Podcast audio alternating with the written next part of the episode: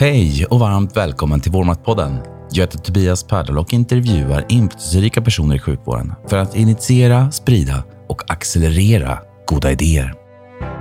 I poddens 29 avsnitt samtalar jag med två aktivistrepresentanter från Utan tystnadsplikt, Judith Bruckfeldt och Emma Bentz, som engagerades tidigt i uppropet som administratörer och författare. Hashtag utan tystnadsplikt är i svensk kontext det största metoo-uppropet mot särbehandling, diskriminering och trakasserier på grund av kön, där över 10 000 kvinnliga läkare nu skrivit under, vilket tål att funderas en hel del på och inte minst ageras på.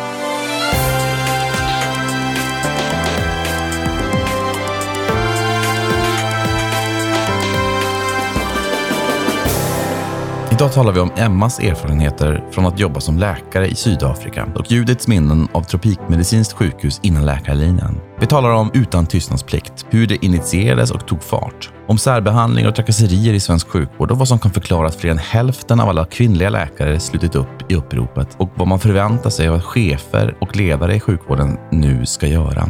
Och mycket annat såklart. Varmt välkommen till Vårdmaktpodden, Emma Benz och Judith Bruchfeldt. Tack. Tack. Hur mår ni idag? Ja, mår bra. Lite Ja. trött. Ja, jag mår också bra. Judith, hur brukar du beskriva vad du jobbar med om dagarna för någon som inte känner dig? Jag brukar säga att jag är infektionsläkare på Karolinska i Solna. Om man frågar lite mer specifikt så ansvarar jag för tuberkulossjukvården på Karolinska. Och jag är också docent på enheten för infektionssjukdomar här i Solna på KI och forskar på tuberkulos. Varför valde du att bli läkare? Jag åkte som mycket ung, jag var 20 år, eh, ett år efter gymnasiet, till Peru och jobbade som volontär i djungeln i Peru på ett sjukhus som var eh, avsett för indianer, Shipibo-indianerna. Jag hade sett de här indianerna uppklistrade hos min tandläkare i, i väntrummet och frågade honom vad är det här för indianer? Och eh, då berättade han att han satt i en stiftelse som stödde Amazonassjukhuset, hette det då. Och jag var där ett år och, där, och då blev jag fast. Då skulle jag bli läkare och jag skulle bli infektionsläkare. Sedermera som du beskrev, du har ju forskat en hel del om, eh, inom tuberkulos bland annat. Hur kommer det sig att du började inleda en forskarbana? Jag eh, var först inte så inriktad på det. Jag utbildade mig till infektionsspecialist men sen blev jag ändå, jag är intresserad av att eh, se samband och jag hade ju ett starkt intresse för global hälsa. Så att det blev naturligt för mig att fortsätta eh, och just forska om en sjukdom som har, haft, eller som har stor betydelse i låginkomstländer. Och eh, jag gjorde mitt, mitt avhandlingsarbete i Etiopien och eh, sen, ja, sen har det fortsatt. Jag sitter med i WHOs eh, ja, Task Force for Latent Tuberculosis och jag har också uppdrag för ECDC, Europeiska smittskyddsmyndigheten. Eh, så att det blir mycket det och sen har jag ju ett nationellt eh, ja, uppdrag kan man säga just inom tuberkulos och sitter med i en panel för eh, multiresistent tuberkulos och ger råd om behandling. Mm. Intressant. Det är ju ett, ett, ett växande problem. Eh, Ja. Inte så mycket i Sverige kanske, men framförallt internationellt. Ja, det, det har ju liksom aldrig egentligen upphört. Här i Sverige så gick ju TBC-förekomsten ner eh, rejält.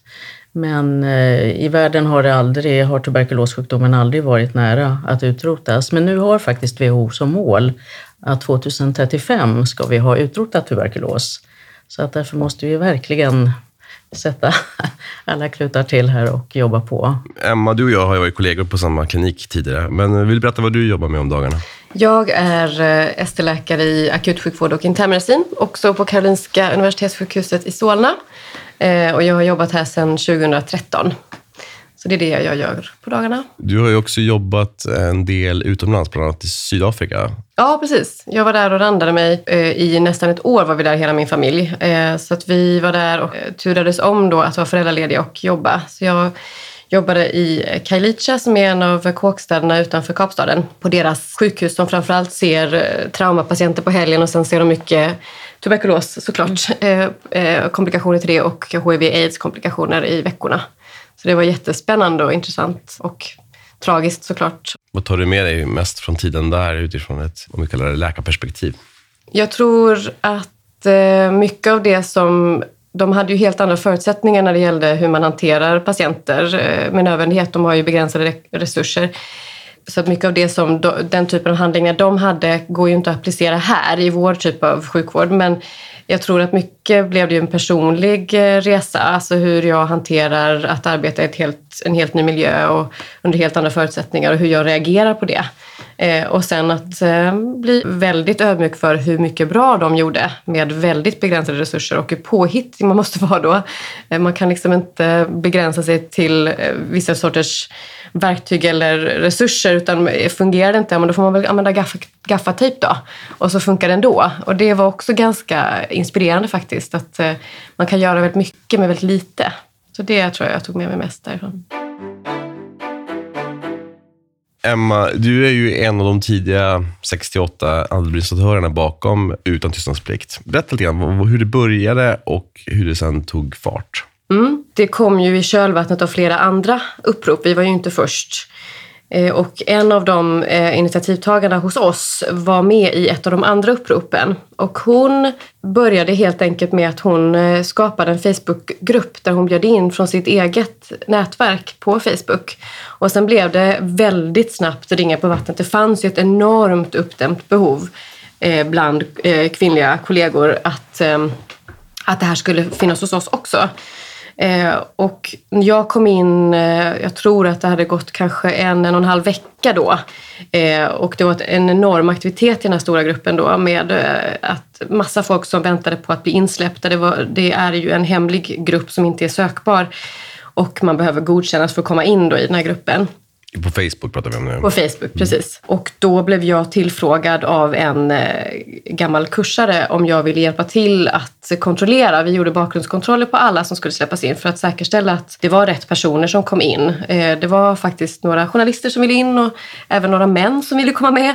Så att vi, det var ganska, ett ganska stort arbete för det var ju många av dem som var med i uppropet som inte använde Facebook eh, vanligtvis. Som hade kanske en blomma som profilbild och ingen information alls. Och då fick man googla och höra av sig till bekanta som kanske visste vem den här personen var för att se om det var en, en läkare eller inte. Då. Och då i gruppen så började människor då som var med i gruppen dela historier eh, som de hade varit med om. Eh, och det var ju både eh, historier från lång tid tillbaka och historier som hade hänt relativt nyligen. Och de här historierna spände ju från hela spektrat av liksom negativ särbehandling, diskriminering, sexuella trakasserier och eh, övergrepp. Och det var väldigt, väldigt tydligt att det fanns så mycket som folk hade ett sånt behov av att få berätta. Och kommentarsfälten var, tyckte jag, höll generellt en väldigt fin ton också. Det, var, det är över 17 000 medlemmar i den här gruppen. Eh, så vi täckte ju in väldigt stor del av eh, verksam, yrkesverksamma läkare, pensionärer och läkarstudenter. Drygt 20 000 kvinnliga läkare i, i ja, Sverige. Ja, det var något sånt där. Ja, inklusive studenter ja, tror jag. Ja, mm. precis.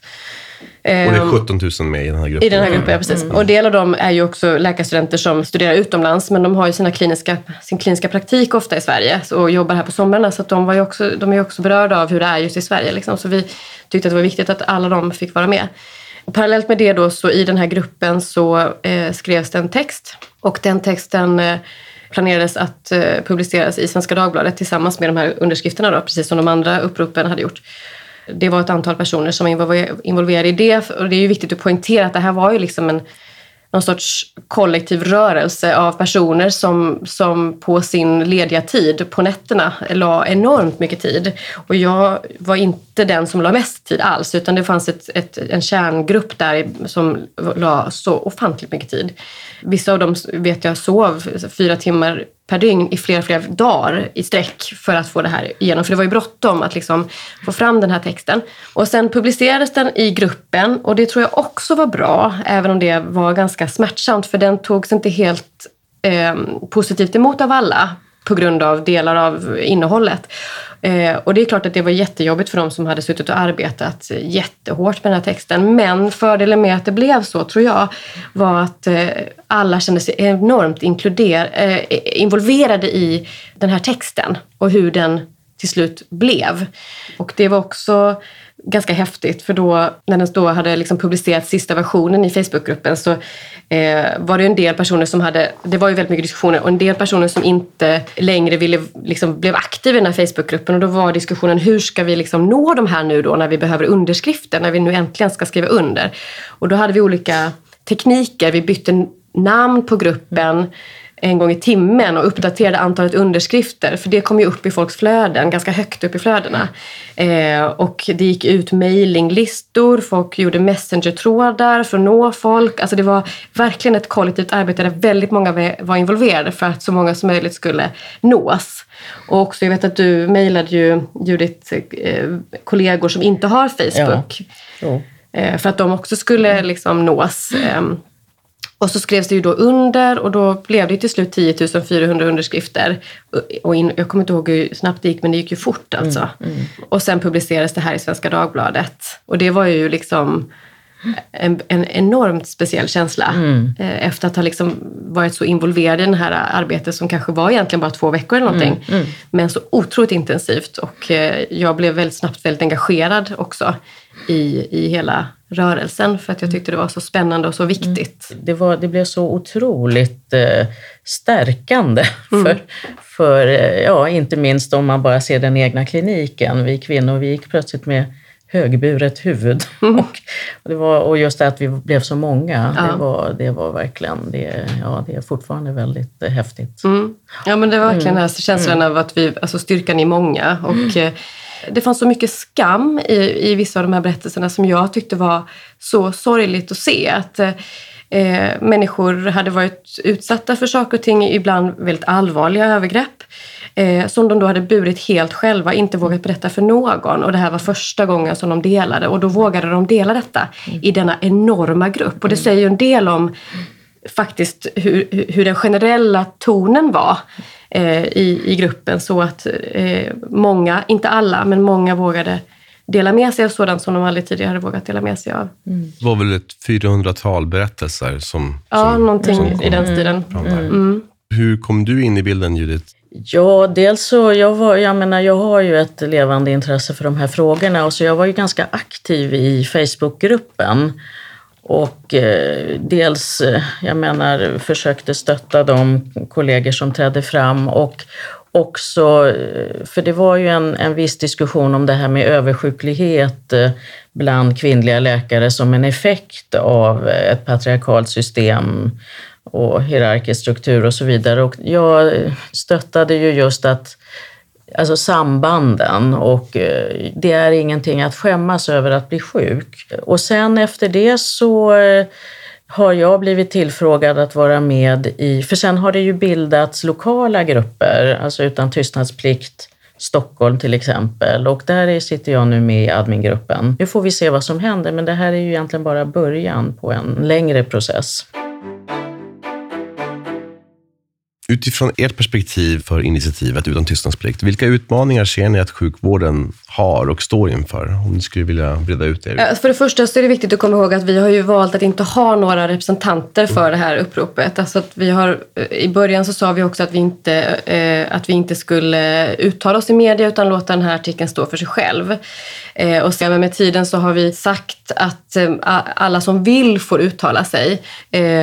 Tillbaka till din fråga då, så, så ehm, de utmaningar som finns inom hälso och sjukvård har nog mycket att göra med...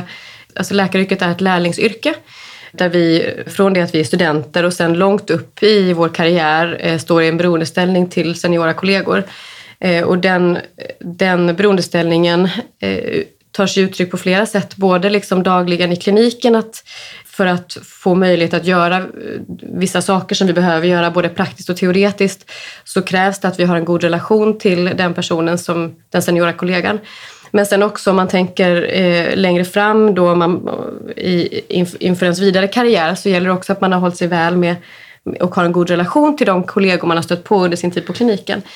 Eh, och den, den typen av hierarkiska system eh, är ju alltid riskabla så tillvida att har man en sån maktställning så finns det också möjlighet att utnyttja den negativt.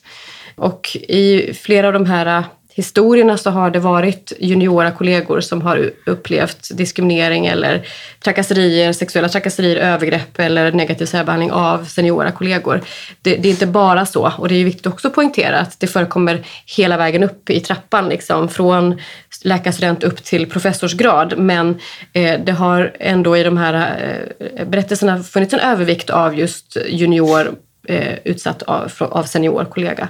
Även det här att, att eh, det, det, från att kanske rena övergrepp till förminskande Alltså, och, och, kanske gärna då om man är lite högre upp i hierarkin som, som kvinnlig läkare, att där, där är det mer förminskande, undanhållande, exkludering, ja, den typen av eh, maktutövning som används och som är kännbara. Och det är det som jag tycker var så bra i vårt upprop. För vi valde ju mellan om vi skulle bara fokusera på sexuella trakasserier eller om vi skulle ha med även negativ särbehandling och diskriminering, mm. osynliggörande, förlöjligande och så vidare. Och där det var en överväldigande majoritet som ville ha med eh, inte bara sexuella trakasserier just för att visa att det där tillkommer ju inte i ett vakuum utan att har man ett tillåtande miljö för den typen av eh, beteende så, så fostrar det också eh, till slut sexuella övergrepp. Att det är liksom det, den värsta tänkbara mm. men där nedanför finns det mycket annat. Och just det att det där är ju så subtilt och, och mycket mera svårt att pinpointa när man ska mm. försöka och kartlägga hur utbrett det är. För det är ju frågor som, som jag har stött på. Ja, men hur mycket är det då egentligen? Alltså hur, hur många är egentligen utsatta och så? Mm. Och det är just så tror jag ganska svårt att, eh, att nå det där i de här medarbetarundersökningarna och så. Just för att både kanske att man inte vill mm. vara utsatt, för det är, inte, det är inget roligt. Man vill inte vara en person som blir utsatt för diskriminering, eh, oavsett vilken mm. sorts diskriminering det gäller. Men sen också att man kanske inte har, har reflekterat kring det just för att det är så subtilt och en del av ens vardag så, att man har blivit så van vid det. Eller jag, inte. Ja, ja, nej, jag, jag tyckte det var påtagligt även i vår Facebookgrupp eh, att det var en del kollegor som först sa, jag har aldrig blivit utsatt. Mm. Men sen efter ett tag, efter några dagar, en vecka, då kom det berättelser. Ja, men nu har jag tänkt efter och nu kommer jag ihåg. Och också just att det blev, ja, det blev tillåtet, tror jag, att minnas mm. och också förstå just de här mer subtila eh, uttrycken. Mm. Till exempel om man tittar på utbildningar. Läkartidningen arrangerar just det att bara, bara sitta och genusgranska föreläsarlistan. Det är oerhört eh, upplysande. Och eh, det är ju en sån sak som, som blir, därför att dels eh, så blir ju ett antal kvinnor exkluderade om det är övervägande män och sen visar man också upp för de som går på kurserna, ja, här är det ett antal kompetenta män och uppenbarligen inga kompetenta kvinnor som som kan föreläsa om detta. Det, det handlar om att, att se de här strukturerna och mönstren egentligen i varje, i varje situation. Att en, mannen är norm, precis eh, som mannen är norm i samhället så är mannen norm eh, inom vårt yrke och har ju av tradition varit det. Kvinnor fick ju inte bli läkare från början heller. Men vi har ju haft eh, kraftfulla kvinnor som har gått i bräschen för många år sedan. Men det är ju ja, det, är det att, att inte se sin like så att säga, utan att det är det andra könet som, som är normen. Och det är svårt. Jo men precis, alltså det, väljer man en övervägande eh, manlig representation på podiet så signalerar det till yngre kvinnliga kollegor att det är svårt som kvinna att eh, bli en del av det här manliga nätverket. För det, det blir så med nödvändighet faktiskt. Alltså jag känner inte igen mig, jag kan inte riktigt identifiera mig med dessa män. Eh, jag behöver ha kvinnliga förebilder och det finns. Eh, och det finns många kompetenta kvinnor och det gäller ju då att ta det ansvaret tycker jag när man eh, gör föreläsningsserier eller har dagar som handlar om, om trauma eller vad som helst. Det spelar ingen roll vilket område. Att, att vara noga med representativiteten. Ehm, jag tycker det är ett ansvar man har och, och, och, där håller vi på nu i Stockholm och jag tycker att det vore jätteroligt om det spred sig till resten av landet. Att håller vi på att sammanställa en föreläsarlista med kvinnliga föreläsare som tycker om att föreläsa och som gärna gör det. Ehm, och tanken är när den är färdigställd att den ska skickas till eh, samtliga berörda, det vill säga eh, KI här i Stockholm, samtliga studierektorer på sjukhusen och eh, fören, vad heter det? Yrkes, yrkesföreningarna. Yrkesföreningarna för de olika specialiteterna. Mm. Eh, för att underlätta eh, möjligheten att, att ta in och engagera kvinnliga föreläsare. För att visa att, eh, att vi finns överallt och att, eh, att, och att det också syns. Det är ju nu på läkarutbildningen en övervägande del kvinnor som går. Och det, det har varit så, det är ingenting som är helt nytt, eh, utan det har varit åtminstone 50-50 länge. När jag, gick för, eh, när jag började för 12 år sedan så var vi redan då i majoritet kvinnor. Och det bör avspegla sig längre upp. Det går inte att säga nu att nej, men det är för att det inte är lika många kvinnor som blir läkare, för det stämmer inte. Utan då är det, man pratar ju om det med the leaking pipeline inom akademin, att det är många kvinnor på grundutbildningen och sen någonstans på vägen så försvinner de. Eh, och eh, det går inte att, att använda argumentet att kvinnor eh, föder barn och att det är därför. Eh, jag, jag och många med mig är, är intresserade av att forska, är intresserade av akademin och då är det andra saker som sätter käppar i hjulet. Glastak som man slår i och eh, informella nätverk som är svåra att ta sig in i och så. Mm. Nej, jag tänker också på professor eh, Agnes Wold i klinisk bakteriologi som har uppmärksammat den akademiska världen på hur kvinnliga forskare riskerar att missgynnas. Mm, så det är mm. en Nature-artikel. Liksom. Mm, den, den slog ju ner som en bomb då när den publicerades, men där var det ju väldigt tydligt. Det var ju Agnes Wold och Kristin Wennerås som gjorde en lysande analys av eh, just Medicinska forskningsrådets tilldelning av anslag. Och där såg man ju att kvinnor behövde vara sex gånger så eh, meriterade som en motsvarande man för att få eh, Medicinska forskningsrådet, det var ju forskarassistenttjänster. Och Medicinska forskningsrådet fick ju då avgå på grund av detta. Det var ju en oerhörd diskriminering som skedde Sannolikt eh, väldigt omedvetet, men det var just de här manliga nätverken och man kunde också visa att även om en individ hade förklarat jäv så hade det också betydelse för utslag för att då pratade man med varandra utanför eh, ja, eh, den lokal man satt i där man då gick igenom vem som skulle få anslag och satte betyg och så vidare. I samband med publiceringen av den här skriften så fanns ju ett tydligt ehm, upprop också mot de ansvariga för landets eh, medicinska fakulteter och eh, sjukhusledningar, primärvårdschefer. Vilket gensvar har ni fått från det här uppropet? Ja, det var ju också en viktig del av vårt upprop att det här var inte bara en text som vi skickade ut utan vi, vi skickade ju den med specifika mottagare. Och precis som du säger så var det eh, både eh, till sjukhus och regioner men även till dekanerna för universiteten. Eh, och vi har fått svar och vi har fått ganska många svar, eh, både från regioner och från dekanerna eh, där vi också har skrivit en replik i Läkartidningen då på deras svar. Och eh, vi är väldigt glada och tacksamma för responsen. Det visar ju att man eh, har tagit det här på allvar och vill svara. Sen är det ju alltid så med den, med den typen av åtgärd som ofta kommer upp eh, så är det att man hänvisar till redan existerande jämställdhetsplaner och så. Och det som är vår uppfattning är ju att de inte är effektiva nog. Och där har vi ju haft mycket diskussioner kring vikten av att, av att eh, ha evidensbaserade utbildningar. Inte bara eh, utbildningar som man klickar sig igenom därför att man måste, utan som kräver någonting av den som deltar. Och att det bör vara obligatoriskt, åtminstone på chefsnivå, så att man lägger en grund för vad som krävs och vad man förväntar sig för miljö på ett sjukhus eller på en klinik. Så att jag tror att man får väl se det där som en startpunkt. Alltså har man ett skrivet dokument så är det ju på något vis åtminstone nerskrivet och nertecknat ambition, ambitionsnivån i respektive landsting och region. Och därifrån kan man ju ha ett samtal. Jag tror att det är så man ska se de här svaren.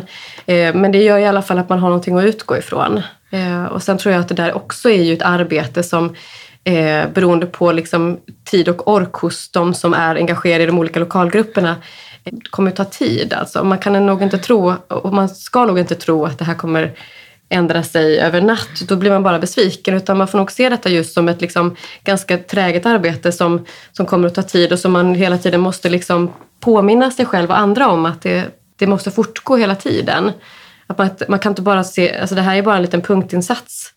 Och den var viktig, den har ett enormt symbolvärde, alltså vår, vår, vår artikel och, och namninsamlingen. Och det är det det är. Det har enormt symbolvärde. Men det, kom, det kommer i sig inte ändra någonting. Utan det som ändrar någonting är just det här arbetet sen på marken på något vis, om man ska säga så. Men där tror jag att det är oerhört viktigt just att leda med ledarskapet. Ja. Alltså att ledningen visar att detta är en viktig fråga mm. och agerar alltså systematiskt. Mm.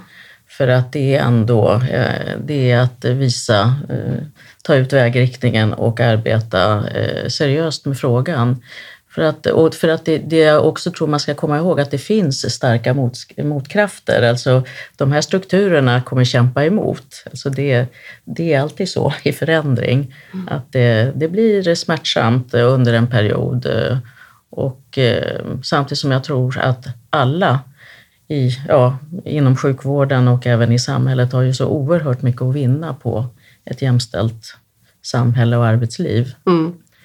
Men jag väntar på ledarskapet faktiskt. Jag pratade med en av mina termin 8-studenter som har gjort ett eh, arbete om tuberkulos i Sverige och frågade henne, i och med att hon fortfarande går läkarutbildningen, om, hon har, om det har funnits någon något inslag i, under utbildningen om genus och hon hade först väldigt svårt att komma ihåg om det fanns någonting och så var det någon enstaka liten kurs i, i början men sen faktiskt ingenting mm. om detta, vilket jag tycker då är ganska skrämmande att det fortfarande inte finns som ett genomgående tema.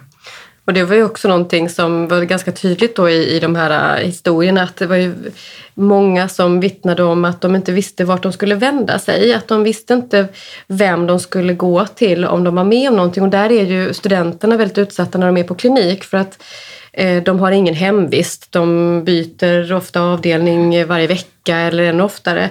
Eh, och då är det svårt att veta vem man ska vända sig till och att den informationen var svår att hitta. Eh, och eh, ingenting som, som heller informerades ordentligt om eh, inför de här kliniska placeringarna. Eh, så det var ju en sån sak som, som vi tog upp eh, eh som, ett, som en viktig punkt. För vi har ju, vi har ju haft flera eh, uppföljande eh, aktiviteter efter det att den här artikeln Eh, publicerades. Bland annat så träffade en, en grupp av oss eh, oppositionen i Stockholms läns landsting. Och eh, sen var jag med eh, och några till och träffade sittande eh, landstingsborgarråden. och ehm, då tog vi upp det som en av flera punkter, eh, just hur viktigt det är att informera kring eh, hur man anmäler om man är med om någonting och att vi ville ha möjligheter till eh, som en diskrimineringsombudsman fast på landstingsnivå. Och då har jag för mig att du nämnde att det har funnits. Var det inte så? Det, alltså, det har funnits en jämställdhetsansvarig och nu finns det ju jämställdhetsstrateg också. Det har funnits eh, anslag att söka för att eh, arbeta med jämställdhetsprojekt. Ja. Eh, nyligen hörde jag att de, de pengarna har tydligen tagit slut. Men det som jag... Det, det för, förut fanns det ju en JämO. Mm. Claes Borgström. Men sen, och det upplevde jag ju som en, en nackdel när man inordnade jämställdhetsfrågorna under Diskrimineringsombudsmannen. Mm. Nu finns det en jämställdhetsmyndighet sedan 1 eh, januari som regeringen har, har eh, skapat mm. och det är ett steg framåt. Att återigen göra just jämställdhetsfrågorna synliga. Det är också att visa ett ledarskap att det här är viktigt. Mm. Eh, det har kommit upp en diskussion kring just det här med eh, att känna sig inkluderad och att på samma sätt som att det var många manliga kollegor som blev chockade och, och förfärade över hur illa det fortfarande är ställt för, för oss då, så, så måste man komma ihåg att vi har ju också blinda fläckar och att det mm. finns grupper i samhället som utsätts för olika former av förtryck. Mm. Mm. Eh, och Alltså, som jag nödvändigtvis kanske inte eh, ens är medveten om själv. Och där har det varit, eh, bland annat har det kommit upp, det finns säkert flera andra, men just Women of Color har tagit upp det som, som att, de, att de har känt sig exkluderade just för att de upplever både förtryck utifrån, alltså utifrån flera olika eh, diskrimineringar då samtidigt och går inte att liksom särskilja. Och det har ju också varit en sak som vi har diskuterat mycket, representation, vem som är representerad i vårt upprop mm. och vilka som då har blivit, känner sig exkluderade och hur svårt det är. Mm. Eh, jag menar, ingen av oss eh, är experter utan många av oss kom in i det här just för att vi tyckte det här var så viktigt. Och då kommer det en massa nya mm. frågor som som åtminstone jag känner att jag har lärt mig väldigt mycket om. Man måste vara ödmjuk för hur olika vi upplever förtrycken och hur, hur den tar sig uttryck. Mm. Att det skiljer sig beroende på vem man är. Mm. Jag tror att liksom, om man ska generalisera, det är ju en fråga om makt. Mm, absolut. Och kan man, liksom, kan man utgå från det så kan man nog eh, eh, ha hjälp i, i, alla typer av diskrimineringsarbete så ja. att säga. För att det, det är en maktfråga. Mm, och, eh, och sen kan man exemplifiera med olika sorters mm. liksom, utanförskap. Men och, och, det tror jag, om, om vi ska se framåt, hur vi skulle kunna arbeta med den här frågan, att, eh, och kanske också för att den inte ska vara så hotfull och liksom bli en genusfråga enbart, att det just eh, definierar det som en, en maktfråga. Mm. Och jag tycker det blir extra tydligt i vården, mm. därför att det, det är en struktur som så, den, den, den uppmuntrar till ett förtryck i sig, alltså både mellan kollegor men också i förhållande till patienten. Där, där kan man verkligen prata om makt. Mm. Eh, samtidigt som det har också varit en diskussion i vår grupp det här, för att det kommer ju också upp att patienter kan eh, ju uppföra sig eh, sexistiskt mot kvinnliga eh, läkare. Och eh, det var också en diskussion, skulle man då ta, upp, ta med i det här uppropet? Vi valde ju att inte göra det. Ja. Men det är ju också sådana frågor, och då var det frågan, liksom det här patient-läkar-relationen, att jo men jag är ju då läkare och då är mm, patienten patient och har man då rätt att eh, ändå markera? Jag läste precis när jag var på väg hit i i sjukhusläkaren, Elisabeth Lichtenstein som är ju med i Kvinnliga läkares förening, eller eh, i styrelsemedlem, hon, eh, hon tyckte ju själv då personligen att det är okej att markera, även om man då är i en så kallad maktposition, men där patienten uppför sig på ett sådant sätt att man blir kränkt. Mm, av, mm, så, medan mm. andra inte tyckte det. Mm. Ja, det, är också, Men, det, är, eh, precis, det blir liksom en spin-off, en, ännu en dimension som är jätteintressant ja, och, och ganska att, komplex. Ja, men jag tror att om man liksom kan utgå från makt som ett, mm. en gemensam nämnare så... Nej, men verkligen. Um, jag menar, sjukvården är ju som organisation traditionellt hierarkiskt strukturerad och uppbyggd. På många sätt är den ju likadant uppbyggd som den var för nästan hundra år sedan. Vi har ju systematiserat in maktförhållanden. Du är överläkare, du är underläkare, du är undersköterska, du är sjuksköterska. Mm. Alltså som bara i titlarna mm. så är det liksom du, du har en, en hierarkisk position. Mm. Det är inte så många andra verksamheter som har det idag. Kan det ha, kan det ha delvis, som vi pratade om, att göra med strukturerna och organisationen att göra? Att man måste titta på även det? Hierarkier behöver inte alltid vara dåliga, tror jag. Eh, för att det gör att man kan vila trygg i, som juniorkollega, att jag, jag, är junior, jag är underläkare, jag har en överläkare som jag kan fråga. Eh, och sen kanske de här orden bär Eh, en historia som, som, som är problematisk ibland. Men när man har ett hierarkiskt system då är det just den här problematiken med makt och med eh, gamla strukturer som man bär med sig, gamla traditioner det, eh, och ett ganska konservativt värdesystem. Med det sagt så tror jag kanske att eh, hierarkierna är ett problem men kanske inte så att jag är nog inte för att man ska liksom, bryta upp hierarkierna. Jag tror att det kan bli ganska eh, rörigt och, och man inte vet vem som bär ansvaret och vem som är härnäst i liksom, den hierarkiska strukturen enkelt. Men jag tror, jag tänker på, jag menar just inom vården, det här med makt, maktbegreppet, att det handlar ju väldigt mycket om att från den högste ledaren ner på golvet, att, att, att, eh, att vi blir medvetna om detta. Och det är ju också en viktig fråga under utbildningen. Mm. Eh, för att det har ju varit lite, vi har ju diskuterat det också, det här hur de här berättelserna som var ju väldigt skrämmande, ett antal, alltså då undrar man ju den typen av kollegor som då beter sig på det här sättet, hur beter man sig då mot en patient? Alltså det, det, det kan ju verkligen bli makt, alltså det är maktmissbruk. Och där, det är en etisk, det är ett etiskt förhållningssätt som blir, det blir väldigt svårt att få ihop detta. Mm. Och där var det ju också det att vissa av de här övergreppen skedde ju inför patienter. Mm. Så det var ju också det att, man, att, att en del av de här historierna skedde ju liksom i ja. ett rum där en patient befann sig. Där eh, den förövaren då ibland till och med involverade patienten i, i, i den här kränkande behandlingen. Ja. Eh, så att det, det, är, de blir ju, alltså patienterna dras ju in i historien liksom, men, men det, man kan verkligen, eh, precis som du säger, den etiska och moraliska biten av hur en, hur en av våra kollegor beter sig på det viset, både inför patienten, vad signalerar mot patienten och inte minst då mot den här blivande kollegan eller juniora kollegan.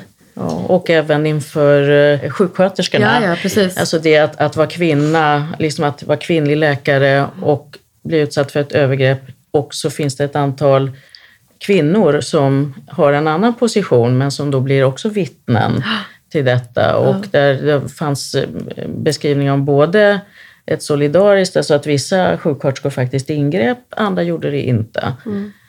Och där jag tror, det, det är ju också en, en forskare, so, eh, sociologisk forskare, Gerd Lindgren, som har beskrivit detta i flera böcker, Doktorer och systrar, Kön, eh, makt, eh, kirurgi. Men just det här att vi som kvinnliga läkare, vi avviker då från normen i vården, det vill säga vi har valt en annan väg. Vi utmanar både våra manliga kollegor men även våra kvinnliga systrar, alltså sjuksköterskorna, och att det också finns med hela den problematiken. De var ju med när vi hade det här mötet med Alliansen här i Stockholm på, i landstinget så var eh, en representant för sjuksköterskornas eller vårdpersonalens upprop med. Mm. Eh, och eh, det tycker jag var jätteroligt att få träffa henne. Mm. De hade inte alls lika många som skrev under och det kan man ju mm. också fundera på vad det står för. för mm. alltså, Vårdförbundet är ju mycket, är ett starkare fack. De är mycket mera åtminstone liksom mycket mer synliga tycker jag än vad vårt eget fack är. Men deras upprop samlade mycket färre än vad vårt mm. gjorde. Mm. Eh, men deras problem som togs upp på det här mötet liknade ju såklart i väldigt stor utsträckning vårt, även om det finns skillnader i, i, i problematiken. Framförallt därför att våra övergrepp är ju ofta av kollegor. Eh, det är framförallt de övergreppen och det, och det, det ger ju en väldigt speciell liksom, eh, dynamik när det är ens egna kollegor som man, som man sen ska arbeta sid, sida vid sida med som, som utsätter en för saker. Mm. Medan sjuksköterskorna eh, vittnade ju oftare om övergrepp från läkare. Då. Eh, alltså en annan yrkeskategori. Eh, men det var, jag, tyckte om, jag tyckte om den, att vi, att vi träffade henne och att vi liksom har ett, det finns ett pågående samtal. Mm. Även om vi har olika yrkesbenämningar och, lite olika, och olika arbetsuppgifter och så, så är ju problematiken densamma. Mm. Om eh, ni skulle vara landstingsråd för en dag, men du har ju suttit i en jämställdhetsgrupp i landstinget tidigare, Judith, så vet jag, och jobbat med de här frågorna. Ja. Om, om, du verkligen hade, om ni verkligen hade makten att, att verkligen gå in och göra en, en, en konkret skillnad från dag ett till dag två? Ja, den, eh, det vi då föreslog, eh, och det, eh, fler, det var ju flera förslag som faktiskt blev verklighet, men den viktigaste är ju det här med genusutbildning. Att det blir obligatoriskt på alla nivåer. Då, då skapades en utbildning för chefer som jag har förstått fortfarande fortsätter i landstingets regi. Eh, för chefer eh, på alla nivåer men där man inte på alla arbetsplatser har uppfattat det som en obligatorisk eh, kurs tyvärr. Och sen tror jag på arbetsplatser, i arbetsgrupper, att, att detta frågan hålls levande och att man har jämställdhetsplaner som inte bara är en pappersprodukt utan som efterlevs och analyseras och arbetas med. Det är en annan, eh, och det var Birgitta Evengård som då var jämställdhetsansvarig, just det här eh, i ALF-bedömningarna måste man ange eh, genusaspekten, man måste fylla i det när man söker anslag, ALF-anslag i, i SLL. Jag skulle vilja att det här eh, återigen togs upp som en viktig, eh, viktig fråga på dagordningen. Och finansiera, det handlar ju också om pengar, så att, eh, och också visa på det sättet att det är en viktig fråga.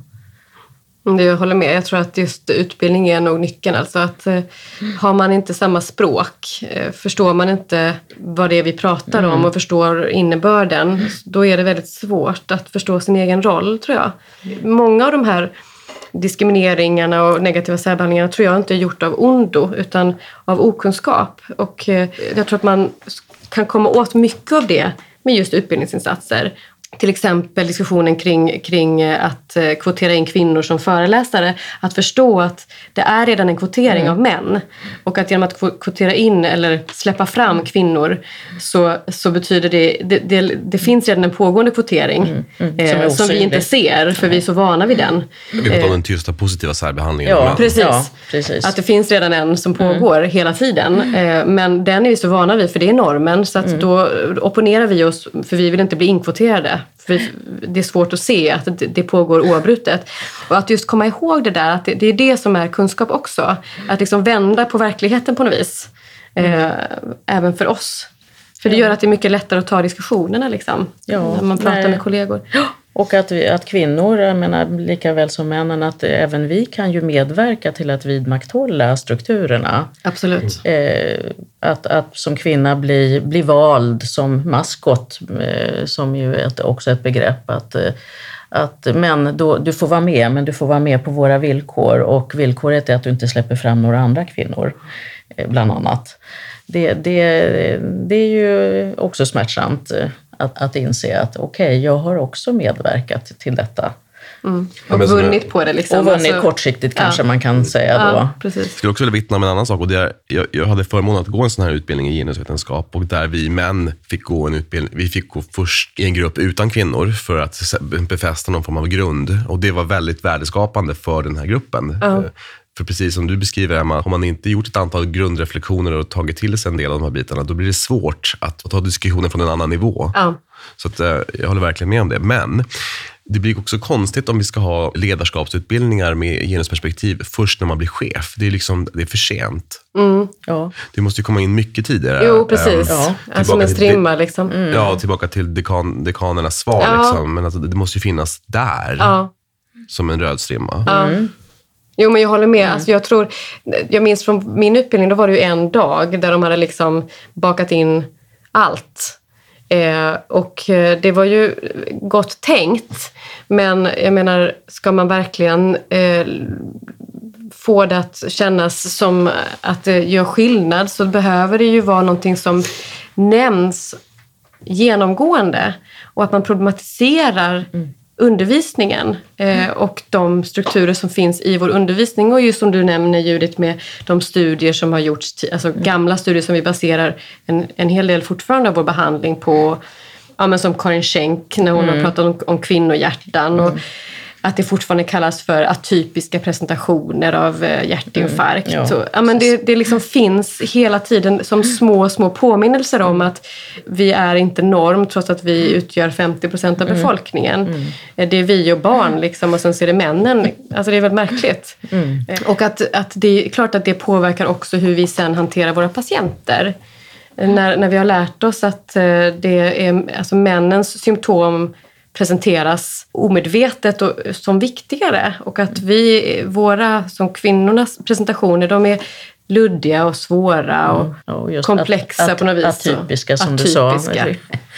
Så det är klart att jag tycker, jag håller helt med dig. Alltså att den där, det där behöver komma som en strimma. Men just att signal, alltså signalvärdet i att ha utbildningar för chefer ska man nog inte underskatta ändå. Alltså just när man kommer upp, eh, när vi börjar arbeta. Mm. En engagerad chef är ju det som kan göra en hel arbetsplats på något vis. Mm. Och sen så, det här initiativet skapar ju någon sorts gräsrotsaktivism mm. eh, som ju i sig kan leda till mycket uppåt. Liksom. Att man eh, aktiverar sina chefer och tar upp det på morgonmöten. Och, eh, men det kräver ju mycket mod. Mm. Eh, och det har ju också vittnats om i gruppen att eh, på vissa ställen har det varit enormt positiv respons och cheferna har spontant tagit upp och, och liksom startat eh, grupper där man ska diskutera jämställdheten på klinik kliniken och så.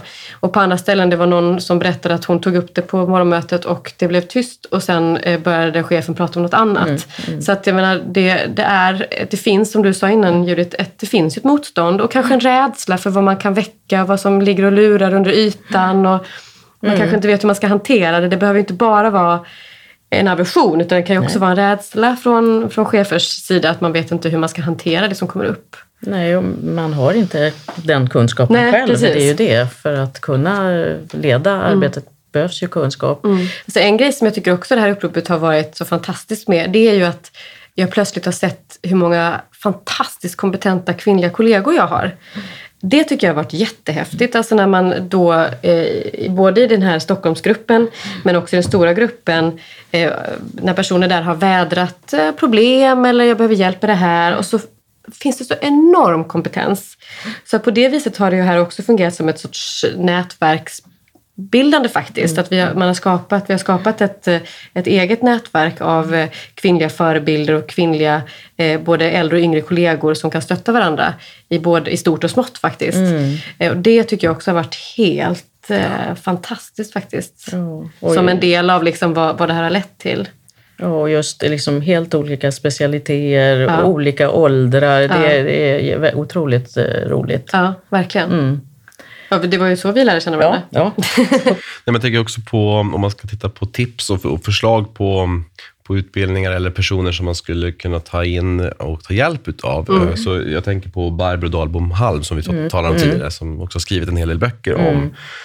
ledarskap med genusperspektiv. Och mm. så. Finns det andra individer som, som ni vill passa på att lyfta fram i det här sammanhanget? Ja, vi fick ju hjälp eh, på vår egen klinik då i början på 2000-talet av Näringslivets ledarskapsakademi och där, eh, som då kontrakterades också av SLL, just eh, uppdragsutbildning för, för ledare inom SLL med Sabina Sjölander och Jack Borgström som håller i den här uppdragsutbildningen och och eh, är oerhört kunniga. Vi hade stor hjälp av dem själva på vår egen klinik. Det är otroligt roligt att prata liksom med, dem, med mina yngre kvinnliga kollegor. Och, eh, men jag skulle gärna vilja utvidga diskussionen till hela, hela gruppen. Därför att den, den behövs. Mm. Kanske framför allt bland män? Absolut, men där det skulle vara, det är väldigt skönt att det görs under eh, proffsig ledning. Mm. Så att vi just eh, inte hamnar i någon slags försvarspositioner utan faktiskt kan tala om detta som ett kunskapsfält.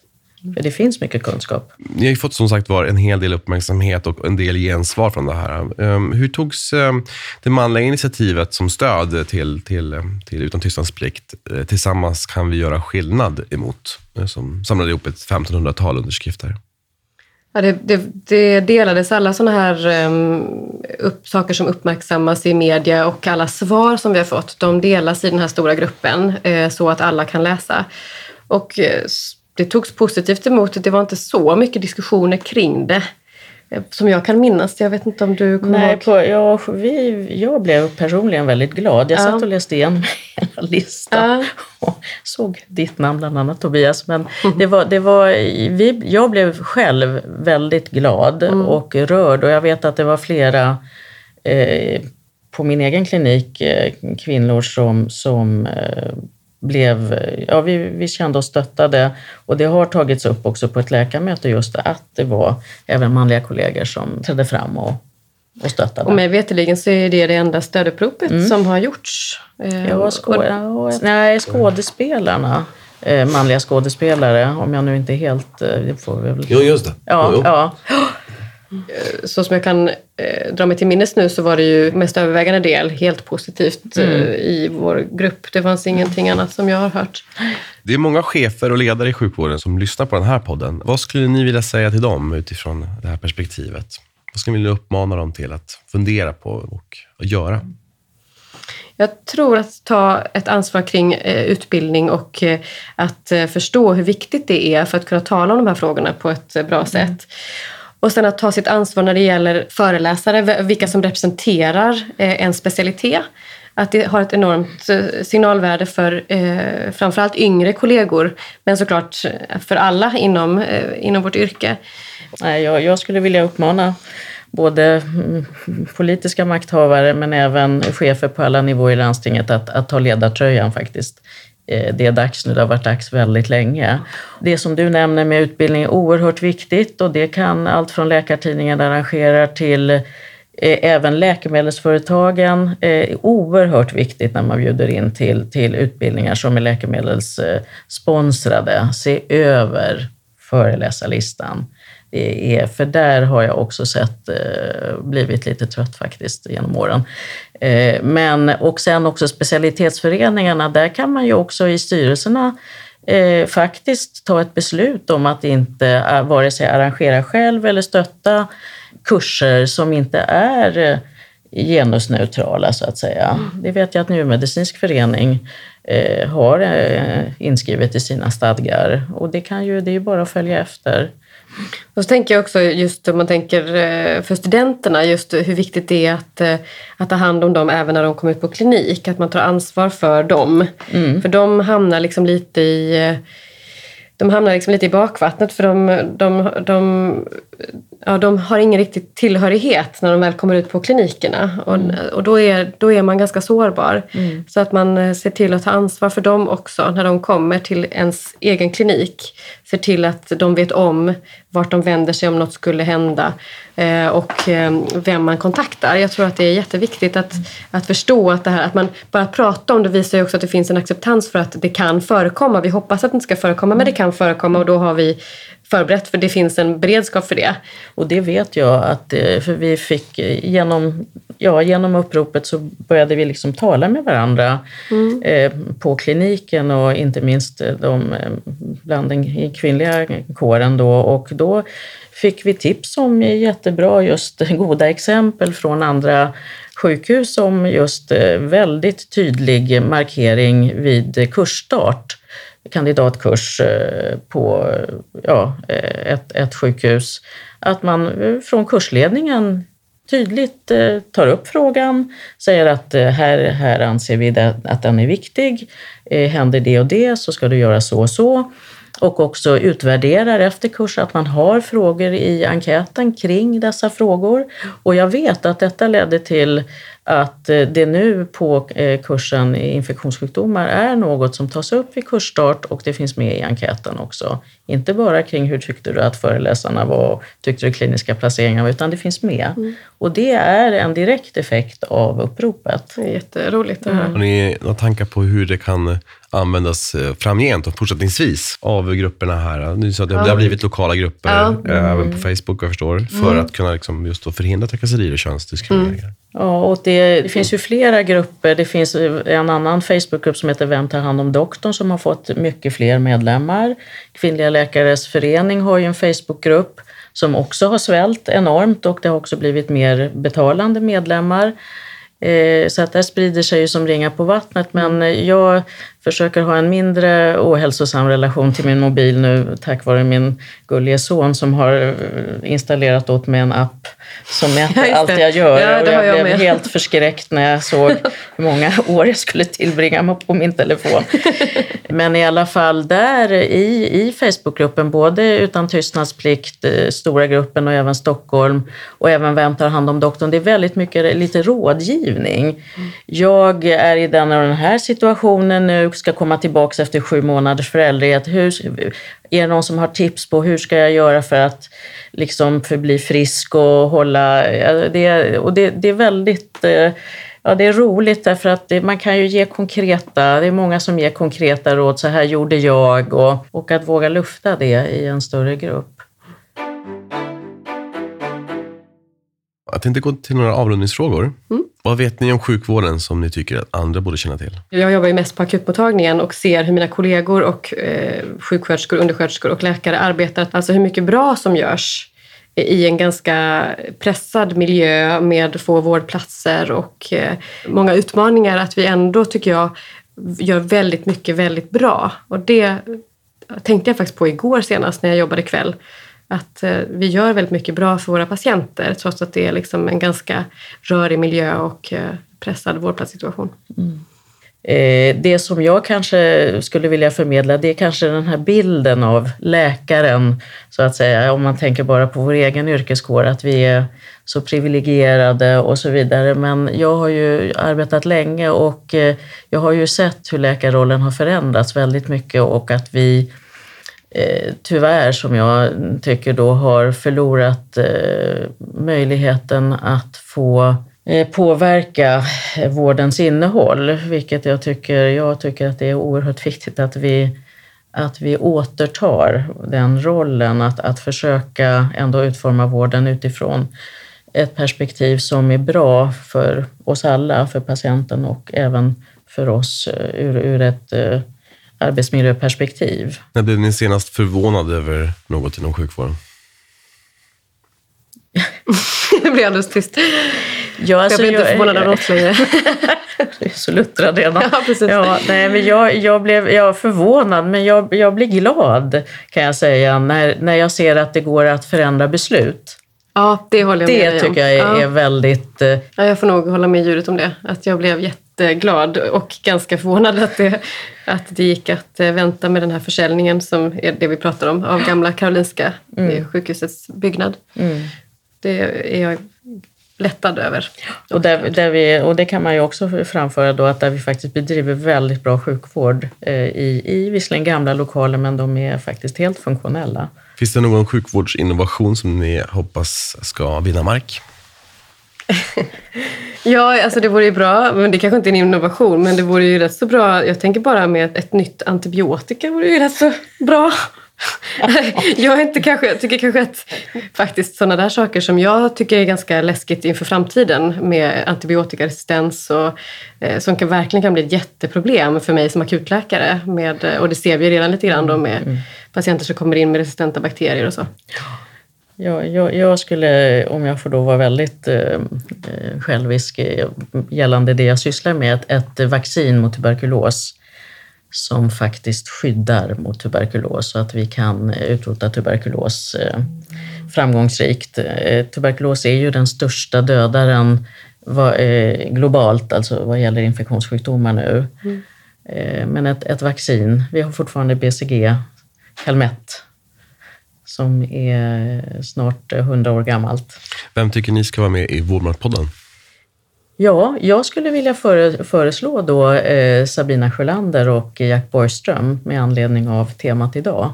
Det, det tror jag skulle vara väldigt eh, intressant och givande som, som en eh, follow-up liksom till eh, och för, också för att vända sig till makthavare i landstinget och i, i Sverige. Hur kan man nå er om man vill veta mer om era tankar och eh, tips och råd? Min SLL-adress, emma.benz.sll.se och jag har ett D i mitt efternamn. Mm. Och mig kan man också nå på min SLL-adress. Och nu kommer det lite svårare här. Judit med H. Punkt, och sen är det Bruckfeld. B-R-U-C-H-F-E-L-D at sll.se. Jag har också en KI-adress. Finns ni på LinkedIn? Nej? Jag finns där. Facebook uppenbarligen? Ja. Ja, Svår att hitta i och för sig. Instagram? Privat? ja jag har också privat Instagram. Snapchat? Nej. Nej, det är jag för gammal för. Eller jag har ett konto men det är bara min dotter som använder det. Är det något som eh, ni hade önskat eller tänkt få tala om idag som vi inte har berört? Jag tycker nog vi har Jag tycker nog ändå att vi har berört mycket. Jag skulle ju kanske vilja just det här med fokus på, på ohälsa. Alltså att, att jag har ju tagit upp det några gånger och jag kanske skulle också vilja läsa upp en liten del av eh, Birgitta Olssons eh, bok Duktiga flickors revansch. Just det här om att eh, behålla den inre kompassen. Jag hörde nämligen Birgitta Olsson just läsa upp det stycket själv när hon lanserade sin bok på Akademibokhandeln. Jag tyckte det var en så otroligt, personligen för mig, i och med att jag sjunger mycket, mm, viktig liknelse, men också för mina kvinnliga kollegor. Tänkte 1800-talets Storbritannien. Den brittiska gruvindustrin växer snabbt och likaså landets ekonomi. En socialliberal rörelse formas under frihandelsvännen John Stuart Mills ledning som protest mot de vidriga arbetsförhållandena i gruvorna och mot det tunga barnarbetet. För att skydda arbetarna släppte man ner kanariefåglar i gruvorna. Om luften var öppen och klar sjöng fåglarna, men om syrehalten minskade blev de oroliga. Om gruvgasen blev för stark dog de. Kanariefåglarna användes i de brittiska gruvorna ända fram till år 1986. Trots att tekniken med elektroniska gasvarnare infördes tyckte många gruvarbetare att det kändes tryggare att följa de gula små fåglarnas välkända sång. Precis så bör kompassen inom oss fungera. Men många duktiga flickor slutar lyssna till sin inre kanariefågel. När luften börjar bli kvav, när vi slutar att sjunga och tystnar inombords så fortsätter vi tyvärr ofta i samma tempo. Det är destruktivt. Lär dig att följa din egen kanariefågel. Som duktig flicka ger du så mycket av dig själv. Se till att vara på en plats där din duktighet uppskattas, premieras och lyfts fram ordentligt. Jättefint. Och stort tack för att ni har varit med i Vårdmatpodden. Eh, Emma Benz och Judith Bruckfeldt. Tack för att vi fick komma. Tack.